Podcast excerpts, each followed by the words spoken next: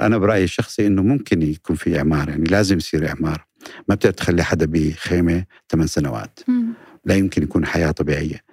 آه ما في مانع إنك تعمر وبعدين صاحب الخ... اللي قاعد بالخيمة ترجعه على بيته. ما في مش مش معناه إذا أنا قبلت إني أقعد ببيت إني أنا بسقط حقي إني أرجع على بيتي. وهذا الشيء شفناه مع الفلسطينيين يعني.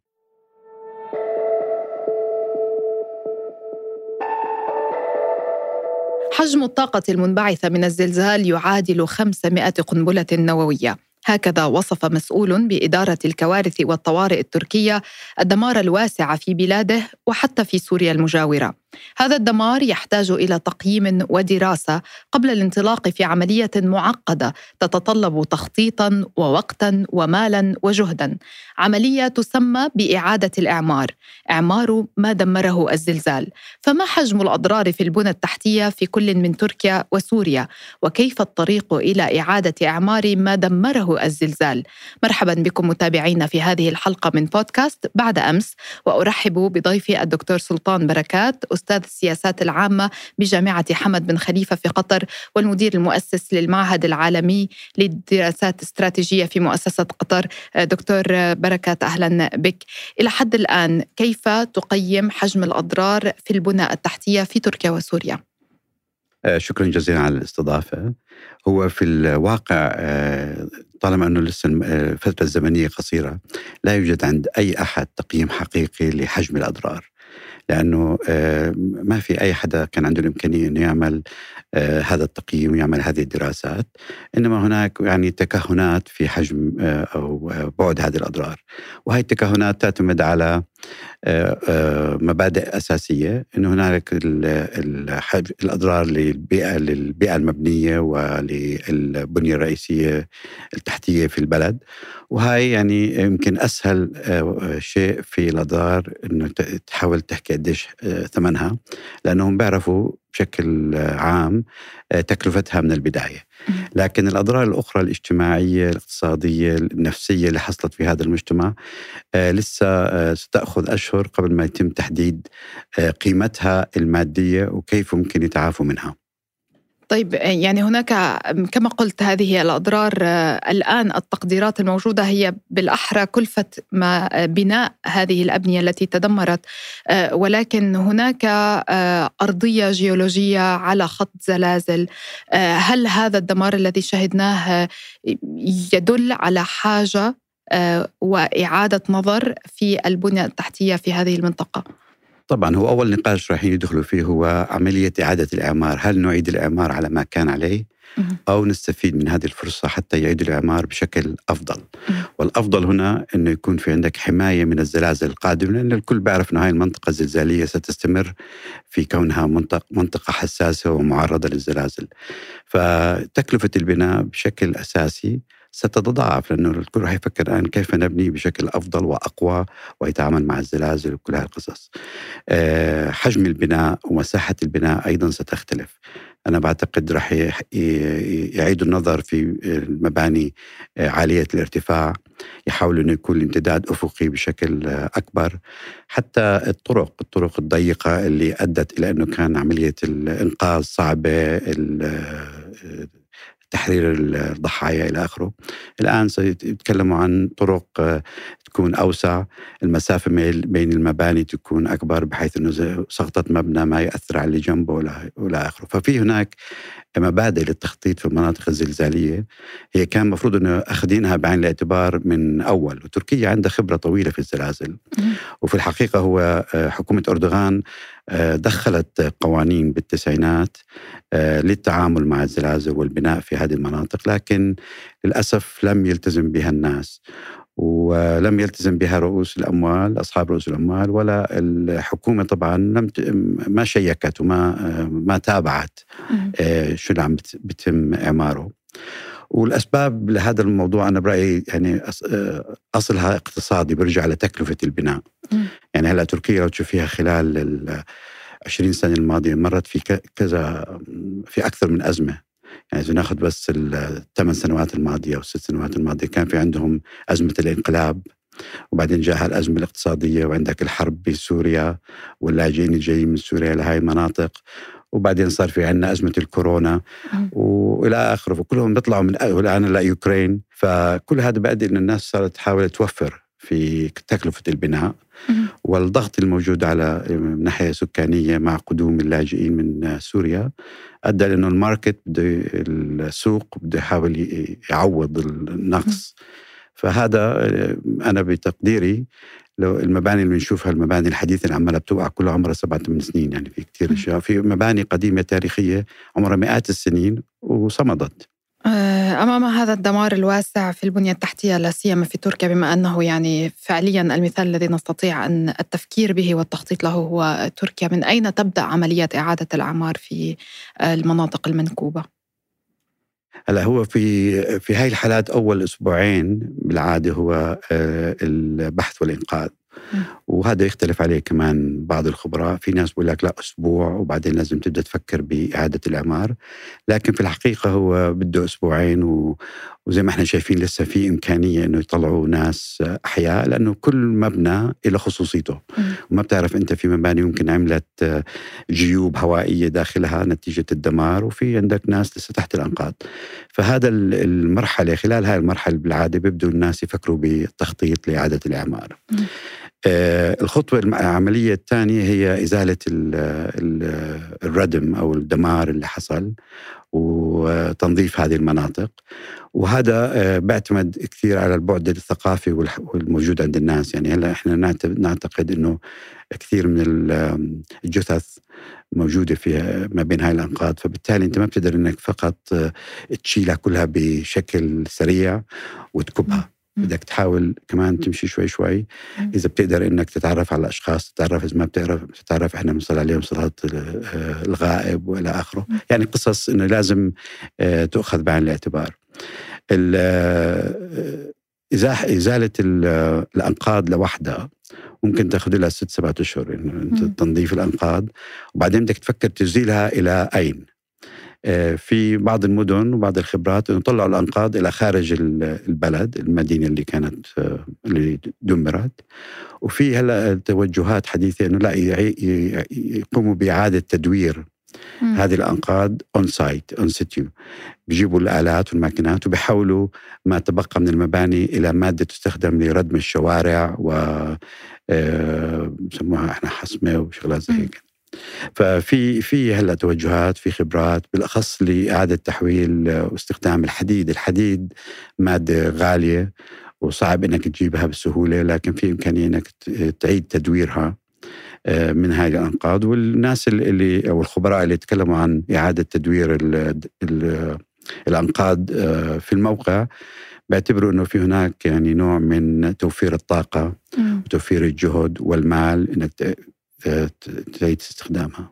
يعني مما أفهمه الآن هناك أساسا تكنولوجيا آه، أكثر تطورا من بداية آه، الألفين حين كان هناك إقرار بقوانين جديدة تبعت زلزال 99 آه، فهل بالتالي سنشهد قوانين جديدة في تركيا حول شروط الإعمار وإعادة الإعمار في مناطق الزلازل؟ هل هي ستكون مبنية أكثر على محاسبة أعلى لمن يخالف هذه المعايير أم مبنية فعليا على تطور آه، حدث في التكنولوجيا؟ الاثنين هو التكنولوجيا آه، لازم إنها تكون تؤخذ بعين الاعتبار وتنعكس بالقوانين. لأنه هو الكل بيعرف إنه هاي المنطقة لا يمكن إنك تحميها 100% حتى الناحية التقنية هم لما يصمموا مبنى ليتعامل مع الزلازل بياخذوا الأفريج بياخذوا معدل الزلزال. وبالعادة مثلا بيصمموا ل 6 6.5 7 على أساس إنه هذا هو زلزال ممكن يتكرر أكثر. ما حدا بيقدر يصمم لزلزال زي اللي حصل مثلا يوصل 8 و9 لأنك إذا بدك تعمل هيك ما بتطلع من البيت. يعني ما ما بتقدر تبني شيء أصلا. الدمار اللي إحنا شفناه طريقة آه، المباني كيف وقعت القوة. إذا بدك تاخذ تصميم على هذا الأساس رح يكون كثير صعب. فهم بياخذوا الافرج وبيصمموا على حسب الافرج التاريخي لهذه المنطقة. آه، إذا صار عندك زلزال قوي اللي ممكن يحصل مرة في القرن لا حول ولا. لكن بالتصميم اللي بياخذ اللي بيعملوه بحمي من مئات الزلازل. يعني هاي المنطقة ضربتها كثير زلازل أوطى خلال السنوات الماضية ما حدا حس فيها. طيب الرئيس التركي رجب طيب أردوغان وعد بإسكان نصف مليون مواطن من الفئات الفقيرة والمتوسطة في غضون عام، كم التقديرات بكلفة إعادة الإعمار بهذه السرعة؟ التقديرات أنا ما بعرف لكن أنا أعتقد إنه عمل غلطة مع احترامي له كشخص. آه. بيعملها كل رئيس يبحث عن عن ناخب. يعني هدول هذه عبارة كثير نسمعها بعد الزلازل والمشاكل إنه إحنا رح نعيد إعمار لكل واحد خلال ست أشهر. الجواب لا يمكن. إنك تعيد الإعمار خلال ست أشهر أو سنة إلا إذا أنت بدك تعطيهم مرة ثانية بيوت مؤقتة. وإنك تعطي بيوت مؤقتة ولا تدخل في عمليه الإعمار الحقيقيه معناك أنت بدك تضاعف تكلفة الإعمار. لأنه هاي البيوت المؤقتة لن آه، تطول يعني من ناحية الاستخدام. والكل بيعرف إنه هاي البيوت المؤقتة اللي تركيا أصلا بتصدر للعالم منها. فيها مشاكل كثيرة حرارية التعامل مع الجو آه، ناحية البريفسي الخصوصية آه، يعني إذا هذه أخذت البيت أنت وانتقل من مكان إلى مكان وخرب معك مفصل واحد راح الباب. بدك ترجعي تجيبي تستني يجيك قطعة ثانية ويعني في تعقيدات معينة. بتأدي بالآخر أنك أنت بتدفع الإعمار مرتين. فهو إذا وعد بست أشهر مثلا على سبيل المثال الإعمار حيكلف 10 بليون بصرف أول 10 بليون وبرجع بعدين بده يصرف اللي بعدها. في الحكومات الديمقراطية بيعتمد على دورة الحكومة يقول لك أنا بصرفهم خلال دورتي والناس بتنبسط وبعدين اللي بعدي بيجي بيتحمل مسؤولية الإعمار الأطول مدى. آه، طبعا هو مش حل حقيقي ولا حل آه، يعني آه، مستديم. وفي نقطة مهمة كمان بهاي المنطقة بعرفش إذا نحكى فيها اللي هي المباني التاريخية. هي المنطقة مهمة جدا لتاريخ تركيا التاريخ الإسلامي تاريخ المنطقة كلها آه، نشوء الدولة العثمانية وانتشارها والمباني الموجودة فيها غازي عنتاب وهي في كثير منها مباني نجت لكن في منها مباني تاريخية سقطت. وهاي لازمها علاج خاص أنك أنت لا تستطيع أنك تعيد إعمارها باستخدام مواد الكونكريتية ولا أنك آه، تبدلها بشيء ثاني. يعني المبنى المسجد التاريخي المفروض إنه ينعاد إعماره كمسجد. م. وبالتالي في عندك خطوات كمان مكلفة من البداية إنك كيف تحافظ على ما تبقى منه اولا كيف آه، تمنع السرقة لأنه الشيء كثير آه، للأسف يعني بيحصل في هذه الأوقات. إنه بدخلوا ناس عصابات متخصصة بهذه المواضيع وبالأخص المباني التاريخية. م. يعني أنت عندك الناجين يمكن يمد إيده على سوبر ماركت على أكل على مي على مش عارف شو بيجي لكن اللي اخطر وهذا الشيء لازم يكون ببالهم اللي هم آه، عصابات الآثار. هدول بيجوا من آخر ما عمر الله وبكونوا متخصصين يعني بيجيك باسم الإنقاذ بيجيك بأي شيء متخصص في إنه ياخذ الاثار آه، يعني بيعرفوا بالضبط إحنا بنقول يعني بيسروا على الكتالوج. فبيعرفوا إيش في في المتاحف إيش في المباني المهمة. وهاي خلال المومعة اللي بتصير والخضة اللي بتصير خلال أول ست أشهر كتير أمور ممكن إنها تتسرب خارج البلد. طيب تحدثت عن أن كلفة إعادة الأعمار إذا كانوا سيلجؤون لمباني مؤقتة ستكلف آه، الضعف. آه، ولكن هناك حاجة ربما. هل هناك حاجة أساسا لتركيا لمساعدات خارجية لإعادة الأعمار وفي ظل الاقتصاد العالمي والركود العالمي؟ آه، إلى أي مدى يعني يمكن أن تساهم الدول الأخرى مع تركيا في عملية الأعمار هذا إيه، طبعا زي ما حكينا تركيا عمالة بتدخل من مأزق إلى مأزق. صار لها كذا سنة فهو في طبعا حاجة للفلوس حاجة للكاش لكن الحاجة للمساكن أنا بعتقد ممكن ياخذوا يعني موقف آخر ويفكروا في إحنا مبدأ بنسميه مرونة المساكن الموجودة في أي بلد. بتلاقي إحنا كثير في ناس عندنا في منطقتنا عنده بيت وعنده بيت صيفي. آه في عندك فنادق غير مسكونة في عندك مدارس في مباني كثيرة ممكن إنه يستفيد منها بشكل مؤقت قبل ما إنه يتسرع بإعطاء المباني مؤقتة هاي اللي هي ال prefabricated سوريا. آه، نعم. سوريا الحرب والمشاكل السياسية مع النظام السوري. آه، هل هناك آلية دولية يمكن أن تتخطى كل هذه العوائق آه، وتعمل على إعادة إعمار أو على استجابة سريعة أم سنبقى ضمن الاستجابة السريعة فقط؟ هي استجابة لكنها ليست سريعة أيضا.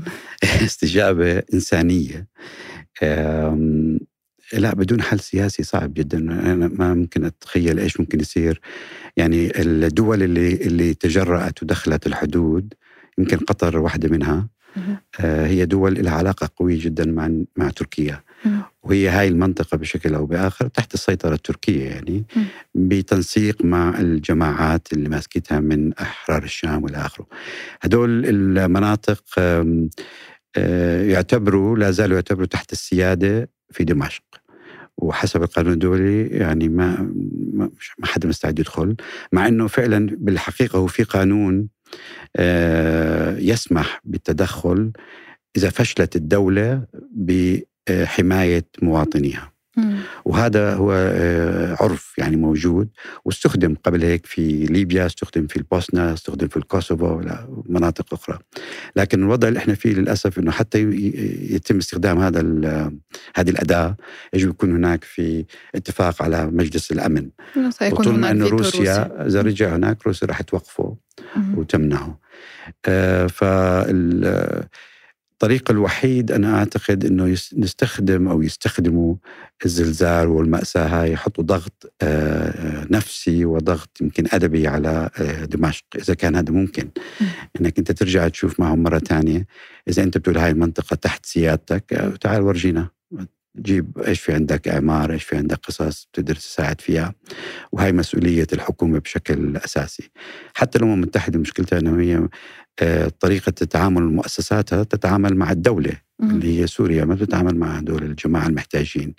فمفروض إنه يكون في هناك ضغط أكبر والعالم بعتقد لو في الويل أو النية. النية بيقدر يعمل. هلأ يعني مثلا آه، نووا على أفغانستان على الطالبان حشروهم. عملوا عليهم مقاطعة عملوا عليهم ضغوطات بيقدروا يطلع بإيدهم شيء فممكن نفس الشيء يعملوا مع سوريا. لكن الخوف عندهم هو آه، أنه يتكرر اللجوء لأوروبا.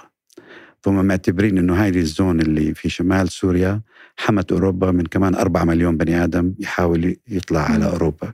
فبقول لك لا خليها عندكم أحسن ما يجوا عنا.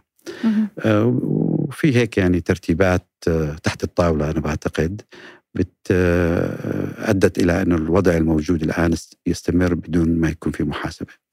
حل سياسي؟ كيف يمكن في الشمال السوري حل سياسي يؤدي إلى بناء مؤسسات أو يعني ضمن أي منطق ستنتهي شمال سوريا بوجود مؤسسات دولة يمكن فعليا أن تبني ما بعد الحرب وما بعد الزلزال الآن بما أنه هناك كارثتين.